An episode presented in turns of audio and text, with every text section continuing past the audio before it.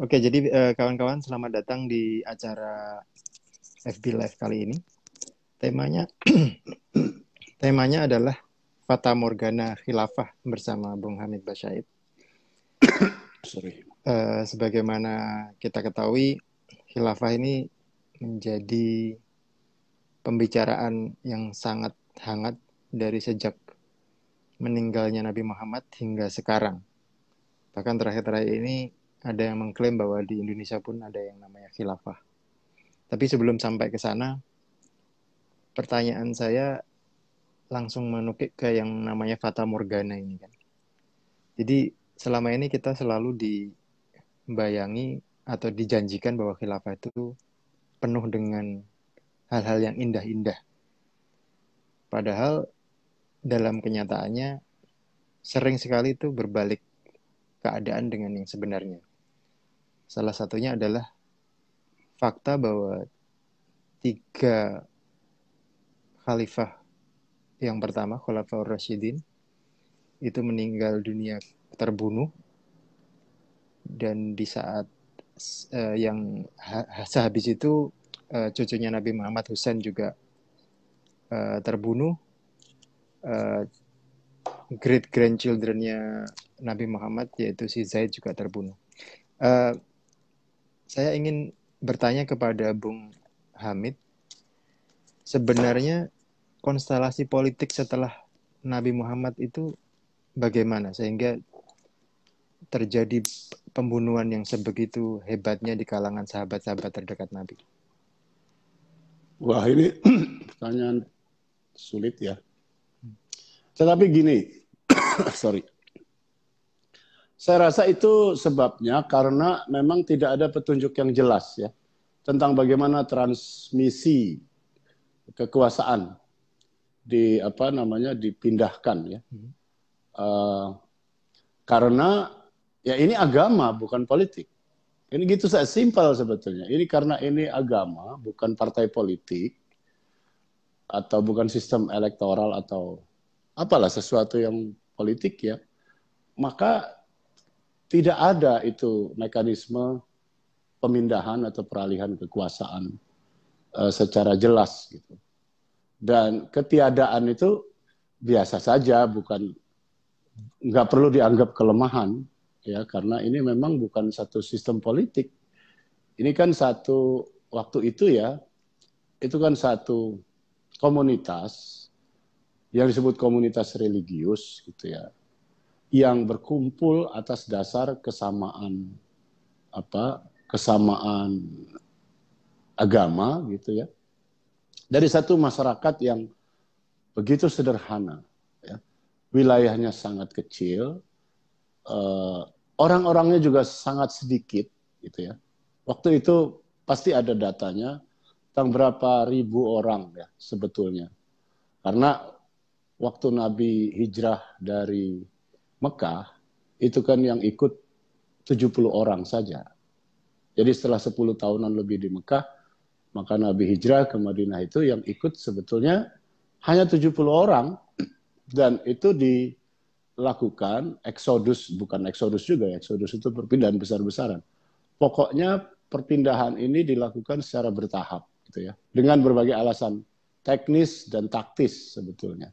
Nah, coba aja jadi 10 tahun kemudian uh, dan kemudian 12 tahun masa hidup Nabi di Madinah itu itu berapa terjadi pertambahan pengikutnya? Ya, dari semula modal dasarnya 70 orang ya. Lalu mungkin ada warga lokal. Warga lokal itu maksudnya warga Madinah asli yang ikut uh, memeluk agama ini itu selama 12 tahun setelah itu Nabi meninggal. Berapa itu? Pernah nggak ada studinya atau dipikirin berapa jumlah komunitas itu sebetulnya? Tapi berapapun itu pasti kan sangat kecil. Ya. Lalu ada kita tahu yang sejarah yang standar kan ada komunitas Yahudi yang jauh lebih tua, ada tiga atau empat puak Yahudi, Bani Quraizah, Bani Kainukah, Bani Nadir, ya, yang jauh lebih dulu ada di situ. Lalu ada kelompok komunitas Kristen yang kabarnya komunitas Kristen Nestorian. Lalu umat Islam ya selebihnya orang Badui pagan ya. Nah, jadi kalau kita ngomong umat Islamnya sendiri, di situ pasti kecil sekali. Dan ini komunitas baru. Dari segi itu, ini kan komunitas baru karena dia datang di tengah uh, konstelasi masyarakat yang sudah memilik atau memeluk agama masing-masing gitu. Jadi nggak ada mekanisme itu dan itu wajar saja gitu. Bukan sesuatu yang aneh. Kalau ada secara rinci justru kita heran gitu tentang peralihan kekuasaan itu. Oke, okay. uh, eh, ini kan uh, jadi sebenarnya kalau menurut Bung Hamid, Nabi Muhammad itu tidak meninggalkan sistem politik kan, dan kemudian dalam kenyataannya sistem politik itu dibajak oleh berbagai kepentingan, dan kepentingannya kebanyakan adalah kepentingan dari keluarganya sendiri, yaitu Bani Hashimiyah, Abbasiyah, dan juga Umayyah. Uh, yeah. Kalau melihat kekejaman-kekejaman politik zaman itu, misalnya uh, di mana sampai uh, Ali bin Abi Thalib terbunuh oleh umat Islam sendiri seorang uh, Ibnu Muljam misalnya yang yang Khawarij yang yang menentang uh, kedua belah pihak dan membuat grup baru dan kemudian uh, uh, Khalifah Yazid yang membunuh uh, membunuh Hasan dengan diracun dan kemudian membunuh Husain dengan dipenggal. Terus kemudian cucunya Yazid si Hisam yang juga membunuh uh, Zaid. Uh, kenapa konstelasi politik zaman itu sebegitu seramnya? Sehingga demi kekuasaan mereka bisa membunuh keluarga Nabi sendiri. Itu apakah zaman itu memang sudah terbiasa seperti itu atau memang konstelasi politik ketika ini berhadapan dengan keluarga menjadi semakin semakin intens? Ya pertama begini ya, politik dinasti atau kerajaan itu hampir pasti, nis, hampir niscaya diwarnai oleh kekerasan-kekerasan internal semacam itu. itu terjadi di Cina jauh sebelum Islam, ya. Islam kan baru 1400-an tahun ya. Cina itu sudah 3000-an tahun. Ya, jadi politik uh, di seputar istana kerajaan-kerajaan Cina, ya waktu itu ada tujuh kerajaan yang besar itu namanya Qin, yang kemudian jadi nama Republik sekarang Cina. Itu juga begitu, Bung. Uh, di Mughal juga, bahkan sampai abad-abad yang lebih baru, India begitu juga. Lalu di Persia, ya apa Darius, Cyrus, segala macam itu, yang juga jauh sebelum Islam, itu begitu juga kerajaan-kerajaan Jawa ya Mataram dan sebagainya itu kan banyak apa seputar itu. Jadi dalam hal ini uh, politik orang-orang Islam itu itu karena menyangkut kekuasaan kerajaan dan tidak ada mekanisme demokratis, tidak ada apa sistem politik yang modern belum ditemukan waktu itu. Itu lumrah sekali. Jadi niscaya mereka juga sikut-sikutan. Dan dalam kasus orang Arab ya misalnya, Anda lihat sampai hari ini Arab Saudi itu seperti itu. Lihat sekarang yang hari ini di Arab Saudi. Ini kan luar biasa sikut-sikutannya. Yang namanya Muhammad bin Salman ini kan benar-benar hampir 24 jam ter terancam. Oleh siapa? Oleh saudara-saudaranya sendiri, bukan oleh musuh dari luar oleh sepupunya, oleh anak apa mungkin saudara tirinya karena dia kan anak istri ketiga ya. Dia anak istri anak pertama dari istri ketiga si Muhammad bin Salman ini. Lalu anak-anak uh, Raja Salman yang lain dari istri sebelumnya tentu tidak terima yang jauh lebih tua padahal anak ini baru 30-an tahun. Dan seterusnya dan Anda lihat aja uh, pernah ditembak kan kemarin itu berapa bulan lalu. Nah, selama tidak ada mekanisme demokratis, ya, sudah pasti eh, politiknya akan banyak sekali diwarnai oleh kekerasan semacam itu. Ya. Kenapa? Karena kekuasaan itu sangat enak, Bung. Anda kalau berkuasa itu benar-benar enak. Jadi makanya kan eh, diburu orang di seluruh dunia di mana-mana gitu. Hmm. Nah, eh, lalu kan mungkin yang Anda maksud juga ironinya kok ya politik yang atas dasar agama kok juga sama sama wataknya, sama karakternya dengan yang sekuler gitu ya, atau yang tidak didasarkan oleh prinsip-prinsip agama seperti di kerajaan-kerajaan Cina kuno atau di kerajaan Jawa kuno dan seterusnya, ya itu kita melihat bahwa ternyata begitu politik masuk itu semua dikalahkan oleh politik ya. Termasuk agama yang katanya luhur dan sebagainya ya kalah oleh apa hukum besi politik. Hukum besi politik itu adalah sikut-sikutan kekuasaan, pengkhianatan politik gitu ya, pembokongan politik, pura-pura setia sama satu orang, lalu kesetiaannya sebenarnya sama yang musuhnya si orang itu dan seterusnya. Jadi dari segi nggak ada yang nggak ada yang luar biasa sebetulnya Bung Amin dan nggak ada yang apa nggak ada yang keluar dari hukum hukum besinya gitu. Hmm. Ini uh, ini kan kaitannya sama sejarah tadi ya sejarah uh, ilmu pemerintahan. Kalau uh, Yunani sudah pernah uh, apa namanya menelurkan apa yang namanya demokratos demokrasi. Kenapa malah justru kalau yang namanya agama yang harusnya yang katanya lebih sempurna kok malah sistemnya lebih kacau balau itu kan sebenarnya bisa di bisa dijadikan sebagai alat serang bahwa agama tidak lebih sempurna dari sistem sekuler kan?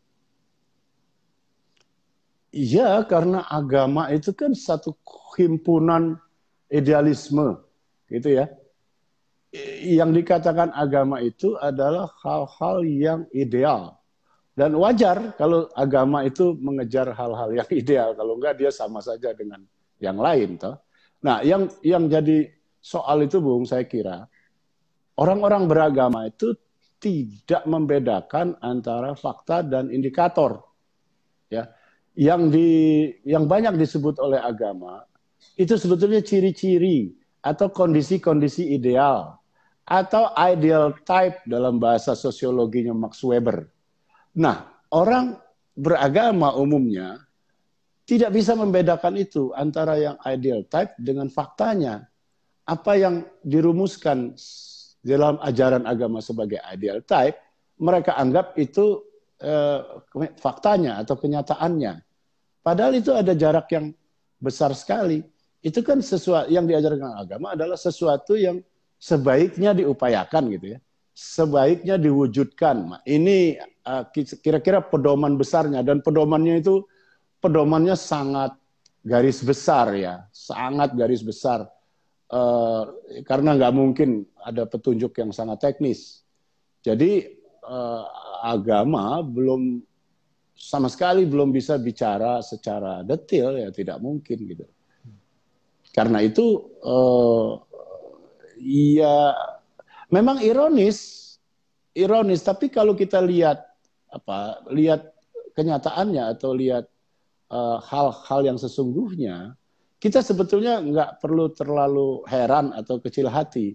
Karena memang yang dikatakan agama itu oleh agama itu adalah ideal type tadi atau indikator-indikator. Seorang yang misalnya pemimpin yang baik itu adalah begini begini itu begini begininya itu adalah ciri-ciri bukannya diakui bahwa pemimpin semacam itu ada.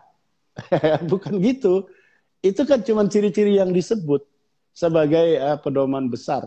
Misalnya kalau Anda memilih pemimpin atau kalau Anda sendiri menjadi pemimpin, sebaiknya begini dan yang sebaiknya itu belum terwujud atau dalam banyak hal tidak tidak pernah terwujud, paling mendekati. Hmm. Jadi nggak ada yang nggak ada yang aneh sebetulnya dari segi itu ya. Dan kemudian uh, uh, apa namanya pertarungan politik ini kan kemudian menjadi pertarungan teologi juga kan, bung. Uh, uh, ada yang Sunni, kemudian ada yang Syiah, ada yang ya. ibadi, ya Khawarij kan menjadi ibadi. Uh, dan kemudian ini benar-benar seolah-olah ini uh, bukan hanya masalah kekuasaan, tapi juga masalah agama. Nah it, itu uh, uh, mohon Bung ceritakan bagaimana pertarungan politik itu kemudian di, dibawa ke ranah agama, sehingga uh, pendengar ini uh, sadar bahwa sebenarnya pertarungan politik itu ketika agama dimasukkan ya kemudian akan menjadi menjadi menjadi uh, apa ya menjadi kabur gitu. Orang dikira, ngiranya membela agama tapi sebenarnya membela politik masalah uh, Sunni Syiah dan Khawarij ini. Silakan bu. Iya itu uh, akhirnya bisa jadi anu ya akhirnya bisa jadi resiprokal ya atau saling timbal balik. Anda bisa mulai dari agama gitu ya. Lalu ketika uh, bertarung atau berkelindan dengan hal lain, lalu katakan jadi politik, lalu si politik ini kembali jadi agama, lalu generasi-generasi berikutnya sudah sulit sekali membedakan mana yang agama dan mana yang politik. Yang yang terjadi semacam itu sebetulnya. Katakanlah kita mulai dari mana? Dari awal sekali, katakan ya. Dalam Islam gitu ya. Mungkin itu asalnya uh, agama. Mungkin motif-motif orang itu.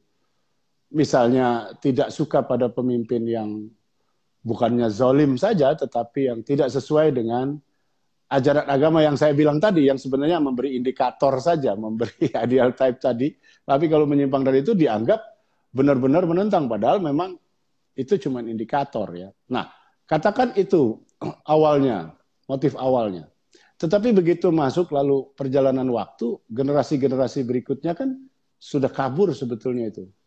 Mana yang eh, apa namanya motif awalnya, mana yang belakangan sudah campur aduk.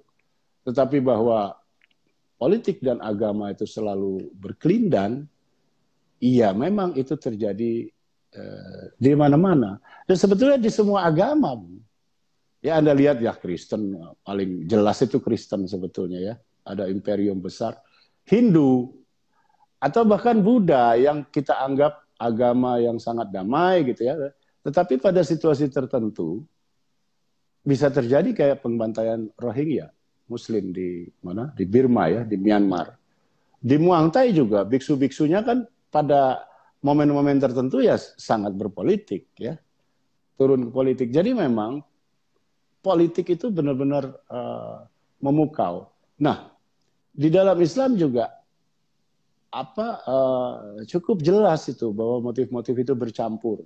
Bahkan kadang-kadang itu mungkin juga sering bukan kadang-kadang tapi yang kita tahu agak jelas itu misalnya begini Bung, misalnya debat teologis tentang apakah seorang uh, muslim yang dosanya banyak itu tetap bisa masuk surga atau dia uh, masuk neraka gitu isunya. Itu is, dikemas sebagai isu teologis.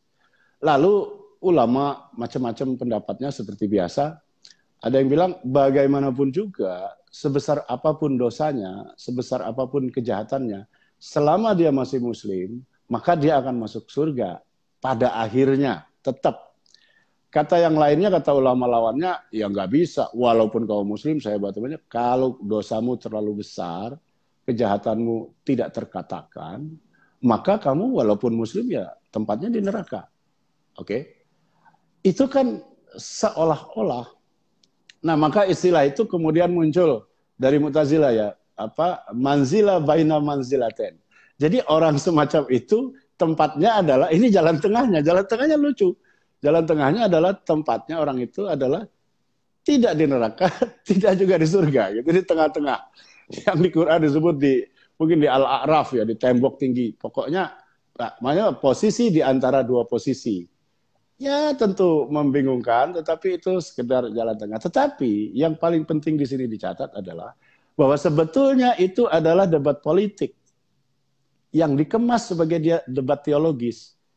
Mengapa? Itu adalah sindiran bagi khalifah yang baru meninggal yang menurut sebagian orang lawan-lawannya ini benar-benar jahat si khalifah ini. Tetapi kalau dia ngomong terang-terangan itu membawanya atau mendudukannya sebagai debat politik, dia akan ditumpas oleh pengganti khalifah yang baru yang merupakan kerabatnya atau atau bapaknya ya eh, penguasa baru ini kan anaknya gitu ya. Nah, itu cara mereka, cara orang-orang agama itu, ulama itu mengemas pasemon kalau dalam bahasa Jawanya kayak sastra, nyindir politik tapi pura-puranya debat teologis gitu. Nah, karena alasan tadi gitu. Nah, jadi saya kira uh, apalagi kalau kita ngomong hadis ya, hadis itu banyak sekali hadis politik toh. Uh, walaupun mungkin substansinya benar dan kita setuju. Ya, jangan keliru ya. Kita harus hati-hati melihat ini. Misalnya ada hadis yang bilang bahwa kalau seseorang minta jabatan, jangan kasih, gitu ya. Uh, Nah, itu kan pasti sindiran politik untuk satu orang atau satu kelompok yang kira-kira berkampanye atau apa kalau zaman sekarang ya untuk menduduki satu posisi politik tertentu gitu lawannya nggak suka lihat cara itu lalu mengatasnamakan Nabi pernah Nabi bilang begini gitu padahal itu diproduksi kira-kira 200-an tahun rata-rata ya setelah Nabi meninggal hadis-hadis semacam itu dan jumlahnya ribuan kali lebih banyak daripada apa yang disebut hadis sahih. Itu. Jadi itu fenomena yang biasa sekali sebetulnya. Dilihat dari segi itu. Oke. Okay. Tadi kita membahas um, uh, sejarah-sejarah kelamnya ya. Uh, kita sekarang beranjak sedikit uh, men- sejarah cerah. Eh, sejarah cerah. cerah sedikit lah ya. Uh, enggak, enggak, sedikit. Iya, uh, sedikit. Uh, jadi uh, setelah uh, kekejaman uh, di masa Khulafaur Rasyidin dan kemudian uh, di masa Umayyah yang mengorbankan banyak sekali uh, keturunan Nabi Muhammad sendiri. Kemudian uh, ada dinasti Abbasiyah yang kemudian memindahkannya ke Baghdad. Nah, dinasti Abbasiyah ini berpikirnya cukup rasional atau lebih lebih lebih politis tapi yang real politik yang di, dia tidak ke arah parapan lagi tapi cenderung uh, apa mengadopsi uh, budaya Persia terutama budaya administrasi dan kemudian sains dari India dan sebagainya. Nah, kalau menurut Bung, model khilafah yang lebih rasional seperti uh, Mu'tazilahnya hmm, Baghdad ini, apakah masih bisa relevan sedikit di, dibahas daripada khilafah-khilafah yang sekarang sedang ramai dibicarakan misalnya Utsmaniyah atau uh, apa atau hmm. atau atau yang lain gitu. Menurut saya sih ya uh, sebetulnya sudah sudah tidak relevan lagi yang bentuk mana pun.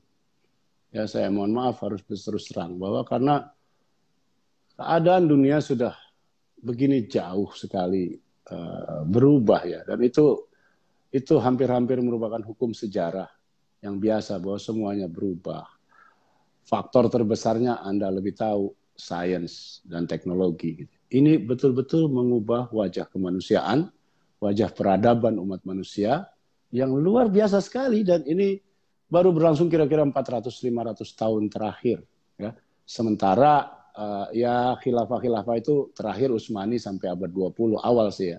Tapi sebetulnya sudah makin tidak relevan dan penemuan-penemuan iptek yang paling baru itu sudah benar-benar eksponensial yang sudah mengubah jauh sekali ya uh, umat manusia, ya, sistem politiknya juga. Jadi saya kira ketimbang kita membahas yang lalu khilafah bentuknya apa pun ya, lebih baik kita menyongsong uh, situasi dunia yang akan datang ini dan yang sedang berjalan sebetulnya bukannya akan datang banget. Sedang berjalan ini kita mau apa gitu ya. Misalnya kita ngomong umat Islam gitu ya mau apa sebetulnya umat Islam ini dengan situasi dunia yang seperti ini. Kalau cuma ngomong sistem yang lalu, apalagi sekedar sistem politik, di politik itu salah satu bidang kehidupan saja sebetulnya yang makin lama juga makin tidak deterministik ya, makin tidak menentukan masa depan satu bangsa, satu masyarakat gitu ya. Itu kan eh, nggak uh, banyak gunanya sebetulnya ya.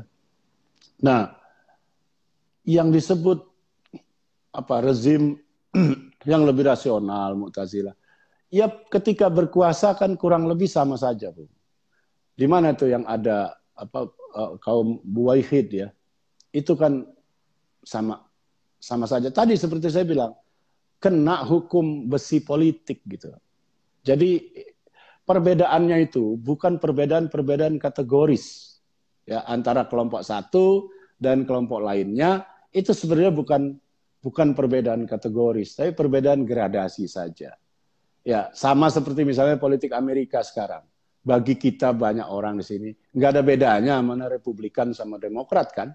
Karena memang benar Republikan dan Demokrat itu bukannya perbedaan kategoris, itu dua partai politik saja, dan di luar itu ada banyak partai politik lain di Amerika, cuman jarang ikut pemilu. Nah, jadi eh, sebetulnya nggak nggak banyak ya nggak banyak yang bisa dibahas. Sebagai kajian sejarah sih boleh saja dan mungkin penting, tetapi kalau mau diteladani, apanya yang mau diteladani? Bunuh-bunuhannya. eh, bunuh-bunuhannya. Lalu sebagai filsafat pun sebetulnya kan itu anu Bung, sebetulnya kan itu dekat ke filsafat Plato. Hmm. Ya, khilafahisme itu. Nah, uh, ya banyak orang nggak suka kalau saya ngomong gini. Loh, faktanya begitu sudah pasti Plato 2500 tahun yang lalu kok udah jauh lebih dulu dia ngomong tentang perlunya king philosopher. Kan gitu. Bagi Plato yang bagus itu yang jadi penguasa siapa? King philosopher, yaitu raja yang uh, yang punya watak filosofis gitu atau punya watak filosof gitu ya. Sehingga apa? Sehingga dia jadi bijaksana, pikirannya mendalam dan sebagainya. Sementara rakyat-rakyat biasa itu kata Plato ya ya nggak usah ditanya atau nggak usah nggak mungkin mereka bisa ngambil keputusan-keputusan penting dalam satu negara yang menyangkut hajat hidup orang banyak. Orang bodoh kok, kasarnya begitu aja. Jadi yang harus berkuasa itu orang-orang pinter saja. Nah inilah kemudian yang diadopsi oleh uh, misalnya Imam Khomeini di Iran ya dengan konsep wilayatul faqih yang 13 orang yang sekarang imamnya uh, Ali Khamenei ya. Itu kan mereka berada di atas konstitusi bayangkan. Itu kan platonistik sebetulnya. Kan platonistik. Nah jadi kalau dalam suninya kan ahlul hali wal aqd ya orang-orang yang menyimpul gitu ya prinsipnya sama aja itu. Cuman di dalam kasus Sunni dia tidak pernah menjadi penguasa real, penguasa nyata ya. Di dalam Syiah sudah 40 tahun terakhir ini terjadi sampai hari ini ya wilayatul faqih. Itu semuanya kan sebetulnya platonistik. Ide dasarnya dari Plato bahwa yang pantas menjadi penguasa itu hanyalah orang-orang pinter yang disimbolkan dengan filosofer, orang-orang yang pikirannya mendalam. Gitu. Nah, Khilafah ini kan begini juga. Tidak ada mengenal sistem elektoral, ya toh? Harus dipilih di antara orang-orang tertentu saja dan kemudian dinastik turun-temurun. Nah, pertanyaannya kembali, lo sistem politik semacam itu apanya yang mau kita teruskan? Tidak mungkin diterima oleh sensitivitas atau sensibilitas uh, global modern. Yang nggak bisa diterima itu. Nah, sekarang kalau kita lihat di Timur Tengah ada Hashimi, di Jordania ada Saudi, di Saudi ada Kuwaiti ya, di Kuwait itu harus dianggap sebagai sisa-sisa sejarah atau residu-residu uh, perkembangan peradaban manusia dalam konteks sistem politiknya. Sisa-sisanya itu.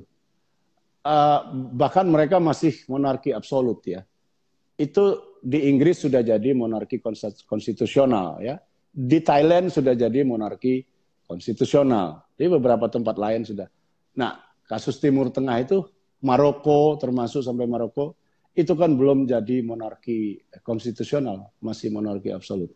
Nah, sejarah sejarah umat manusia itu memang selalu begitu, Bung. Tidak pernah serentak gitu. Sesuai dengan prinsip uh, teori evolusinya Darwin. Jadi ada mutasi gen itu bertahap atau sporadis di sana sini nggak pernah serentak. Nah, dalam hal ini, eh, sistem-sistem politik yang terbelakang, seperti yang masih kita lihat di Timur Tengah itu, harus dilihat sebagai residu sejarah saja, yang nanti, entah apa cepat atau lambat, mungkin masih lama, akan berubah. Sesuai dengan perkembangan sejarah umat manusia di tempat-tempat lain secara global. Kan tinggal sedikit nih sekarang.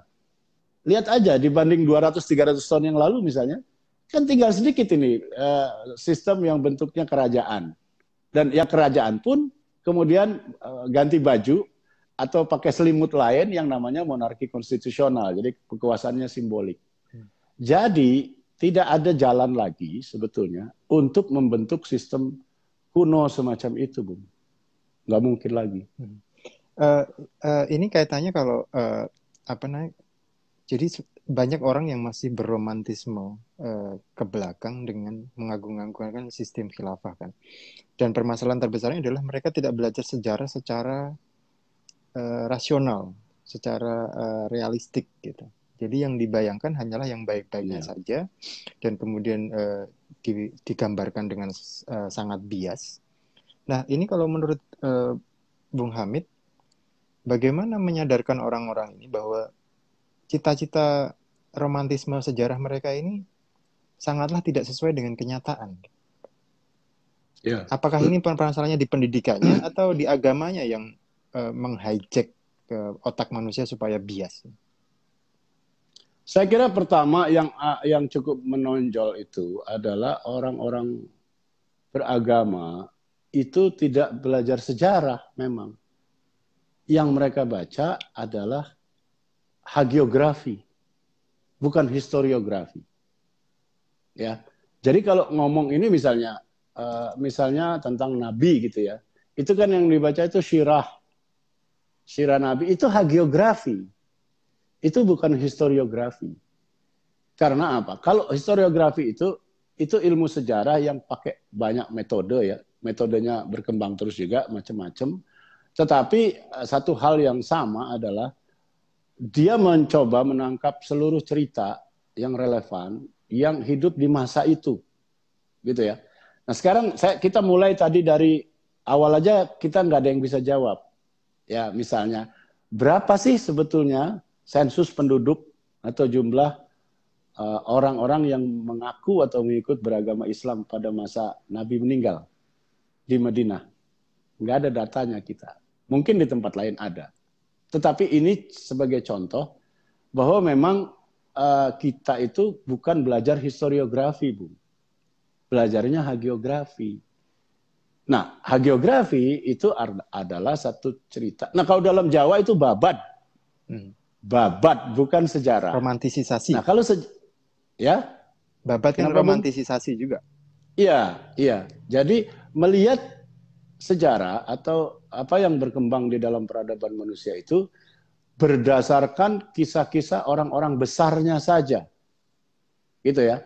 Nah, sehingga misalnya ya sejarah Islam misalnya ya di Madinah itu kalau di dalam buku-buku literatur-literatur internal Islam dari kalangan ulama dari siapalah misalnya Ibnu Ishaq gitu ya biografer Nabi yang pertama.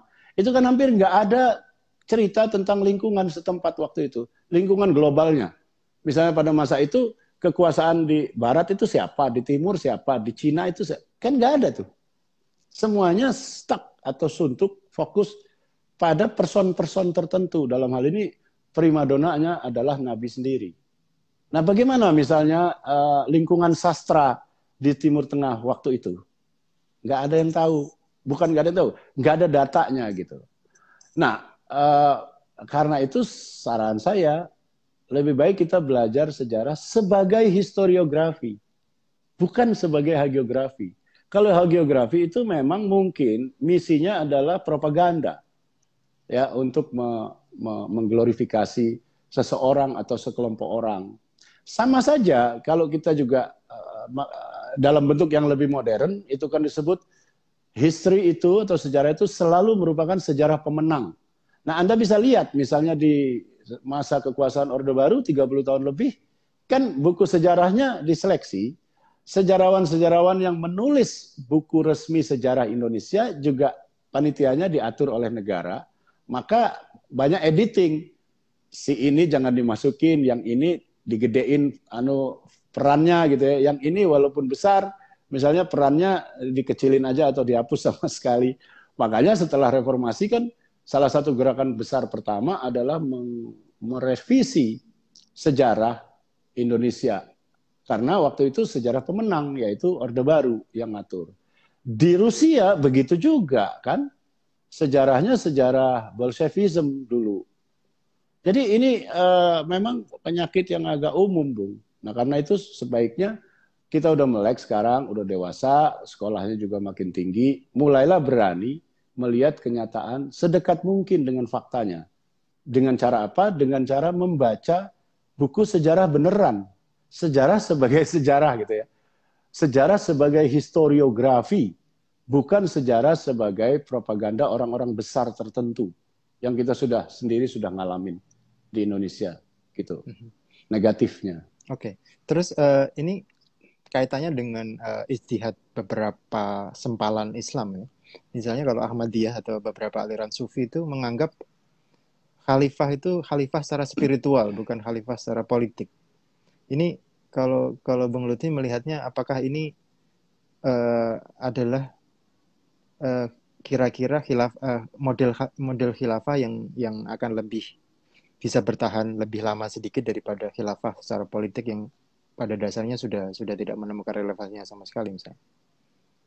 Mm-hmm. Jadi uh, khilaf gimana? Jadi ada ada ada ada ada beberapa sempalan Islam uh, sekte Islam yang uh, apa menganggap bahwa khilafah itu hanya khilafah spiritual. Jadi dia dia tidak mengurusi yeah. politik sama sekali gitu. Seperti Ahmadiyah atau beberapa aliran sufi. Ini ini menurut uh, Bung Lutfi uh, menurut Bung Hamid bagaimana? Saya pribadi tidak melihat pentingnya itu terus terang saja. Hmm. Ya gini, sebagai otak-atik filosofis gitu ya. Hmm untuk membela posisi politik tertentu, baik yang kita setujui, termasuk yang kita setujui atau tidak, itu soal lain lah. Tetapi itu kan sesuatu yang sangat spekulatif, Bung. Bagaimana dia menebak-nebak bahwa ini adalah khilafah spiritual, yang sana khilafah politik. Saya kira itu cuma itu sendiri adalah bagian dari uh, political bargaining ya tawar menawar politik karena dia dalam hal ini mungkin Ahmadiyah ya tidak setuju dengan apa dengan pengertian khilafah politik yang sedang diusung oleh pihak lawannya maka dia ajukan alternatif sebagai khilafah spiritual. Jadi saya kira dua-duanya cuma uh, permainan kata saja ya enggak enggak substantif sebenarnya enggak enggak signifikan lah. Tapi well sebagai kata orang barat nice try ya sebagai upaya mencoba sih silakan aja lah tapi saya kira itu juga nggak akan bergaung banyak ya hmm. di dalam abad 21 dan seterusnya ini. Oke. Okay. Terus akan uh, banyak. Ini ini kaitannya sama masa depan khilafah ya. Jadi uh, kaitannya juga dengan teknologi-teknologi yang akan kita akan kita uh, apa namanya uh, kuasai dalam waktu yang tidak terlalu lama di mana manusia bisa mengupload nyawanya dan kemudian hidup selama yang dia inginkan alias menaklukkan kematian. Nah, nah ini yang penting. Terus kemudian yang Uh, manusia bisa menciptakan semesta baru dengan uh, dengan teknologi yang semesta baru ini akan senyata semesta yang yang yang kita alami sekarang ini. Yeah. Iya. Uh, kalau kemarin saya bertanya kepada Bung Lutfi katanya agama masih bertahan sekitar 400 600 tahun ya. Dia lebih percaya Daniel Dennett. Uh, kalau menurut Bung Hamid, kira-kira aga agama dan konsep khilafahnya ini bisa bertahan berapa tahun ke depan? Waduh, itu pertanyaan yang susah ya dijawab. Apalagi gini, Bung, Anda juga pasti tahu tentang adanya transhuman ya, hmm. yang semakin nyata itu. Uh, saya rasa Daniel Dennett juga terlalu optimistik ya. Kalau Yuval Noah, Harari kan menganggap uh, menduga bahwa akhir abad ini manusia ini punah. Bukan sekedar agamanya. Manusianya punah menurut dia. Yang dia maksud adalah manusia sebagaimana yang kita kenal sekarang. Itu ya. Itu punah. Nah, banyak yang protes tentu saja. Oh ini kamu terlalu pesimistik dan semua bla bla bla ya. Tapi kata dia, oke okay lah, kalau saya dianggap terlalu cepat, kata Harari. Oke, okay, kita tunda lah sampai abad 22 deh. Atau 23 deh, gitu. kita kasih pur gitu. Ya tetap punah, kata dia. Ini kan perbedaannya cuma 100-200 tahun. Itu adalah masa yang sangat singkat, yang nggak berarti dibanding atau diukur dari usia manusia. Kita ini Homo sapiens yang udah 200 ribu tahun lebih. Dilihat dari angka 200 ribu tahunan itu, kata Harari, apa artinya 100-200 tahun itu gitu loh. Tetapi poin yang dia mau bilang adalah bahwa ini pasti punah.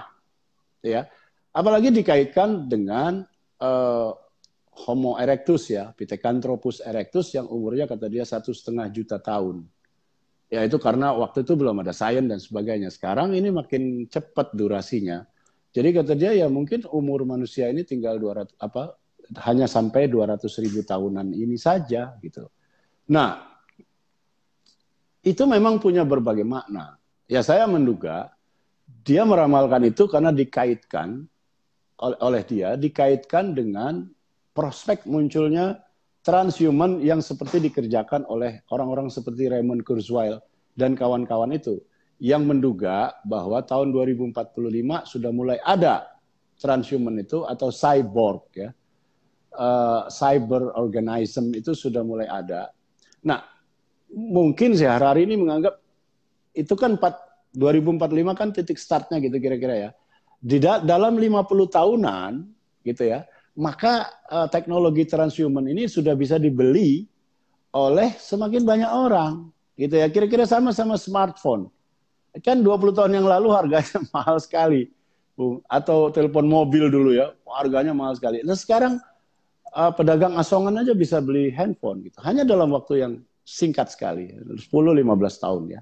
Nah saya menduga dia begitu. Nah uh, kalau transhuman itu maka bahkan skema biologis atau skema uh, ya skema biologis berdasarkan teori evolusi Darwin itu di, manusia waktu itu sudah keluar dari skema itu.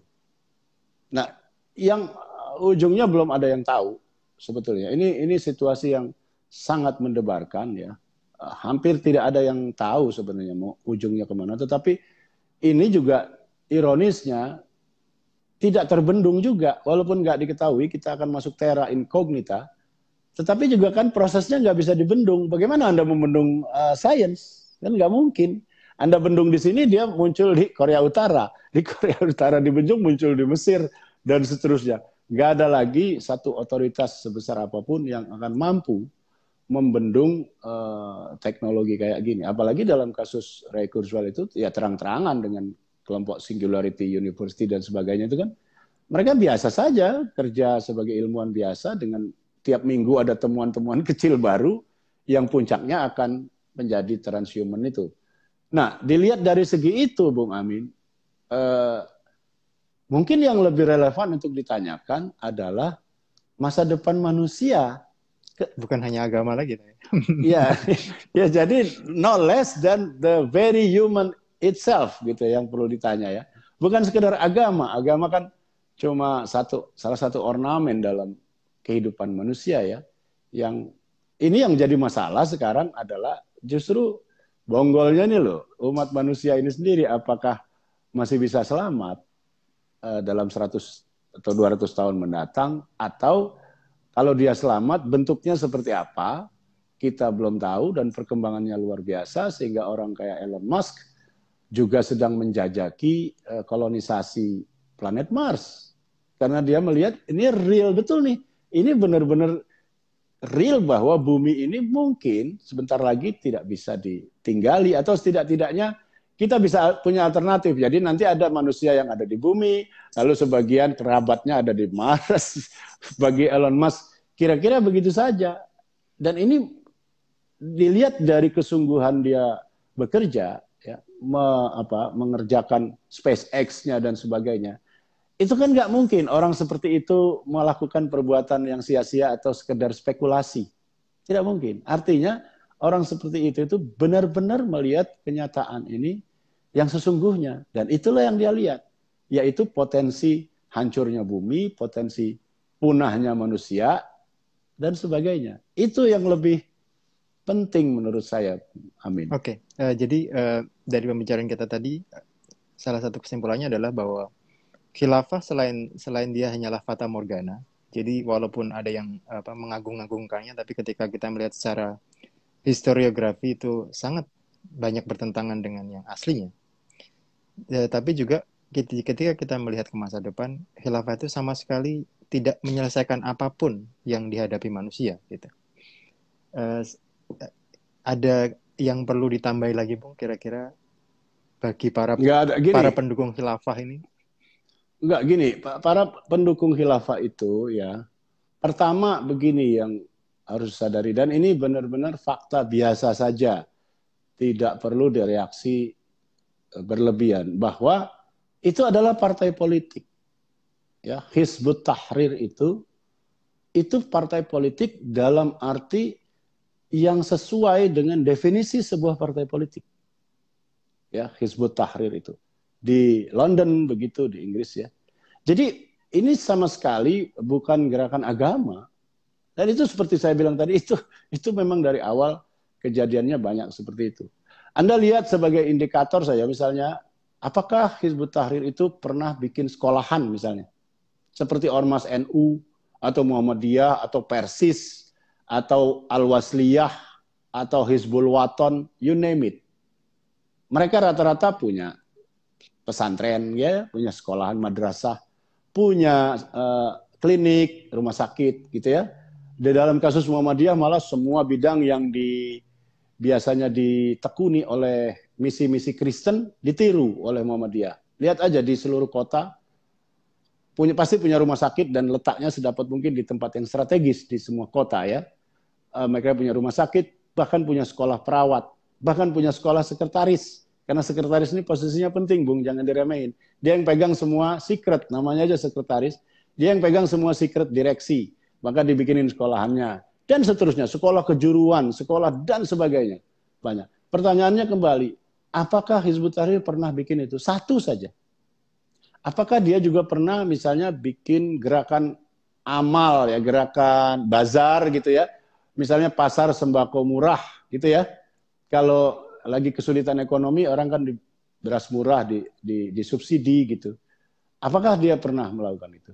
Tidak pernah sama sekali. Karena konstitusinya justru melarang. Anda baca aja konstitusinya Hizbut Tahrir itu melarang kegiatan-kegiatan uh, sosial semacam itu karena itu merupakan kata konstitusinya itu merupakan wilayahnya orang lain lah gitu. Kita hormati saja gitu.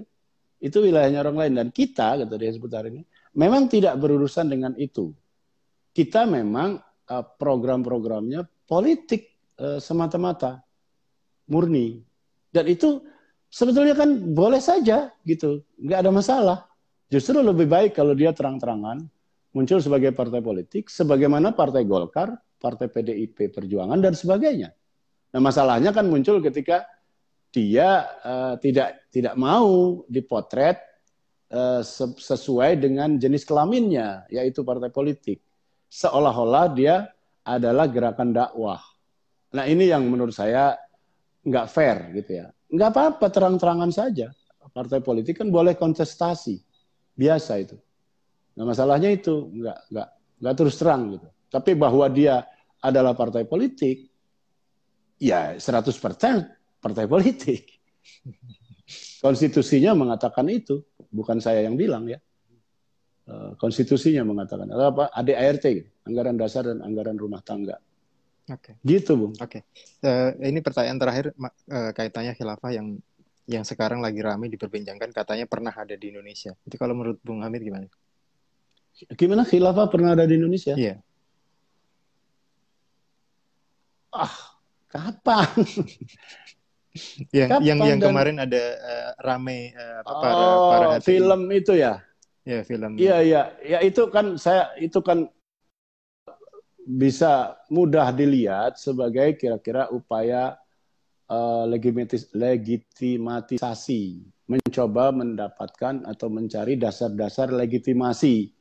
Anda tahu legitimasi itu sumbernya banyak bung Salah satunya misalnya keturunan. Saya saya ini harus berkuasa di, di sini karena kakek saya dulu yang ngebangun tempat ini atau karena bapak saya dulu penguasa di sini maka saya berhak atas kekuasaan. Itu satu ya sumber legitimasi namanya. Lalu legitimasi misalnya kemampuan intelektual. Saya ini pinter. Saya lebih pinter maka saya berhak duduk. Dua ya. Jadi ada keunggulan jadi ada karisma, ada intelektual. Nah, ada juga faktor historis, sumber sejarah. Nah, saya berhak duduk di sini karena kakek saya dulu-dulunya, ya, dulu-dulunya mungkin 300 tahun yang lalu, 400 tahun yang lalu, pernah nih berkuasa di sini. Sekarang nggak tahu ke mana bekasnya, ada banyak faktor penyebab hilangnya. Nah, sekarang saya sebagai keturunannya, baik keturunan biologis maupun keturunan ideologis, merasa berhak atau boleh juga membangun kembali puing-puing yang dulu bekas kakek-kakek saya dulu pernah ada. Itu kan itu kan itu kan upaya mencari uh, sumber legitimasi aja. Dia bisa berhasil, bisa enggak. Dia akan berhasil kalau memang ternyata mungkin benar, ya, mungkin benar. Tetapi uh, kalau ternyata enggak benar ya enggak laku, begitu aja. Dan lagi-lagi it's nice try sebagai upaya mencari legitimasi ya ya oke okay saja lah. Tapi saya rasa uh, publik luas kan tidak sebodoh itu ya. Enggak enggak mungkin lah bisa uh, ya ada saja segelintir orang yang percaya tetapi saya kira sebagai apa menjadi ke, kepercayaan umum publik itu ya nggak mungkin lah karena terlalu blatant ya terlalu, blatant. terlalu gamblang gitu oke okay. Terima kasih Bung Hamid atas waktunya uh, dalam pembicaraan Fata Morgana Khilafah kali ini. Uh, kita akan lanjutkan di pembicaraan selanjutnya dengan tema yang berbeda. Uh, pembicaraan yang sangat menarik. Uh, terima kasih kawan-kawan atas kehadirannya dan kita lanjutkan lain kali. Semoga semua makhluk berbahagia. Terima kasih Bung Amin